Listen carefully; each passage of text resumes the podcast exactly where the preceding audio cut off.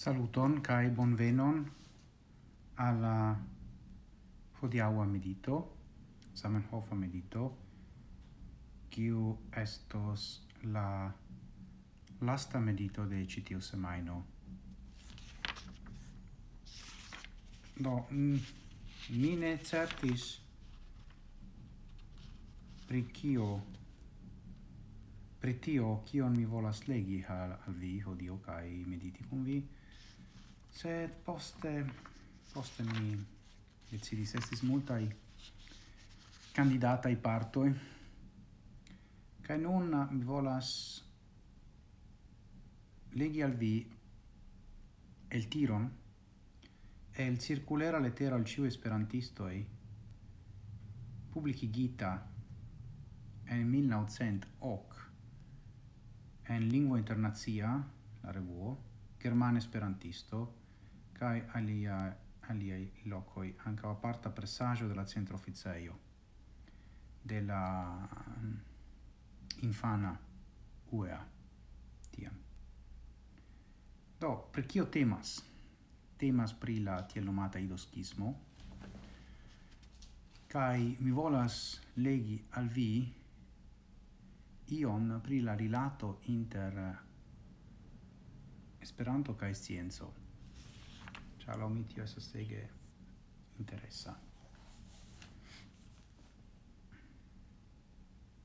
To mi ligos je pagio quartcent quardec hoc rande de la fino de la lettero.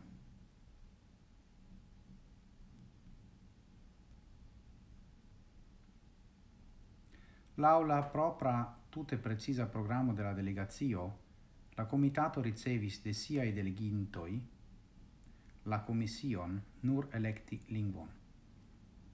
De la momento kiam tiu electo estis farita, la delegazia comitato cesis existi cae restis nur cae cae privatai personoi, kiui, lau siai proprai vortoi, farigis non esperantistoi. Sed, kiam? Tiui calcae nove esperantistoi, kiu eligis al Esperanto nur antau o malmultae semainoi, ec desiris dicti legioin alla tuta popolo esperantista, qui laboras iam pli ol dudec iaroin, cae ciui nia admonoi nenion helpis, tiam ni simple lasis ilin flanque.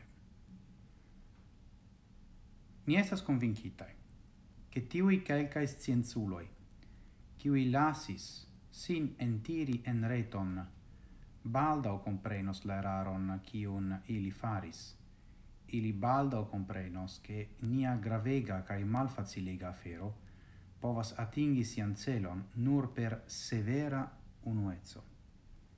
Cai pro la bono de ilia amata ideo, ili baldo disciplina ligos sia in forto in altio comuna granda armeo, quiu sen persona ambizioi, en plena harmonio, cae cun ciam crescanta successo, pazienze laboras iam tiom multe da tempo. Kiel gis nun, tiel ancau plue ni, esperantistoi, iros tranquille nian vojon. Po, mi estas sciencisto ca esperantisto, do tiu Tiu i vortoi resonas en mi forte.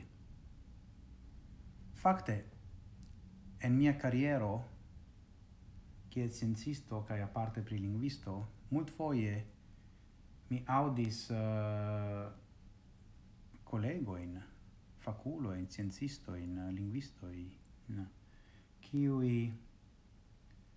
ec desiris dicti legio nella tuta popolo esperantista. Do, la punto estas che por multae, lau, la opinio de multae homoi, ancora hodiau, Esperanto shainas esti en 1887, sam kiel gi estus ancorau lingvo proiecto. Sed gi ne estas plu. Jam, el 1908, pasis generacion de esperantisto, Generacio dauras, uh, ni diru, convenzie, dudec vin jaroin. Kaj la punto ne estas tio. Tio estas la mondo. Ĉu ni povas ŝanĝi la mondon? Yes. sed ni devas komenci ŝanĝi nin mem. Kaj kio interesas min estas la reago de Zamenhof. Li simple diris che estas multae admonoi per tiu aferoi. Multae admonoi sed tiui faculoi ne volis ausculti simple. Cae pro tio ni lasis ilin flanque. Estas momento in cio vi raitas, ec vi devas, lasi homo in flanque, se ili ne comprenas, ne volas ausculti. sed Zamenhof ne perdas la esperon. Eniam li perdas la esperon. Char li estas convincita che ili comprenos baldo sian eraron estante homoi kiui sequas la scienzan metodon. Do ili ne estas homoi kiu credas blinde. Sed homoi kiui agas lau la leggio della dubo. Cerdo, la afero estas ke la tuta afero de Esperanto gravega kaj malfacilega gravega kaj malfacilega. povas esti atingita nur per severa unuezzo en harmonio, plena harmonio, sen persona ambizioi. Do,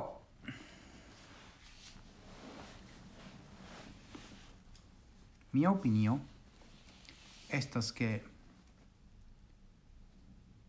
nia fero, nia esperanta fero, ancora ne successis, giuste pro la manco de citiu unuezzo. La historio de la Esperanto movado estas historio de mal unuezzo, clacioi, persona ambizioi, bataloi, internai bataloi, finanzai problemoi, sen profesiuloi, qui pretendas fari laboron kiun ili ne konas kaj tiel plu.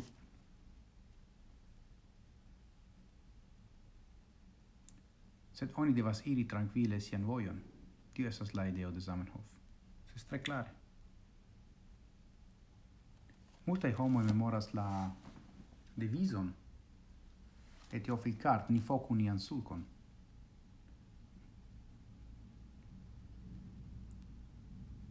ni fosu nian sulcon. Sed facte, en citiu el tirajo, Zamenhof iam diris la samon. No, tranquille, pazienze, ausculteme, sen protio perdi la focuson por atingi la celon, kai momente che post multa admonoi homoin ne plu auscultas, ni simple lasu ilin flanque, esperante che ili mem e consiu pri la necesso che opportuno reatingi la giustan voion por iri, compreneble, antauen, sen fine. Dankon, cae gis la venonta semaino, con la venonta Zamenhofa medito.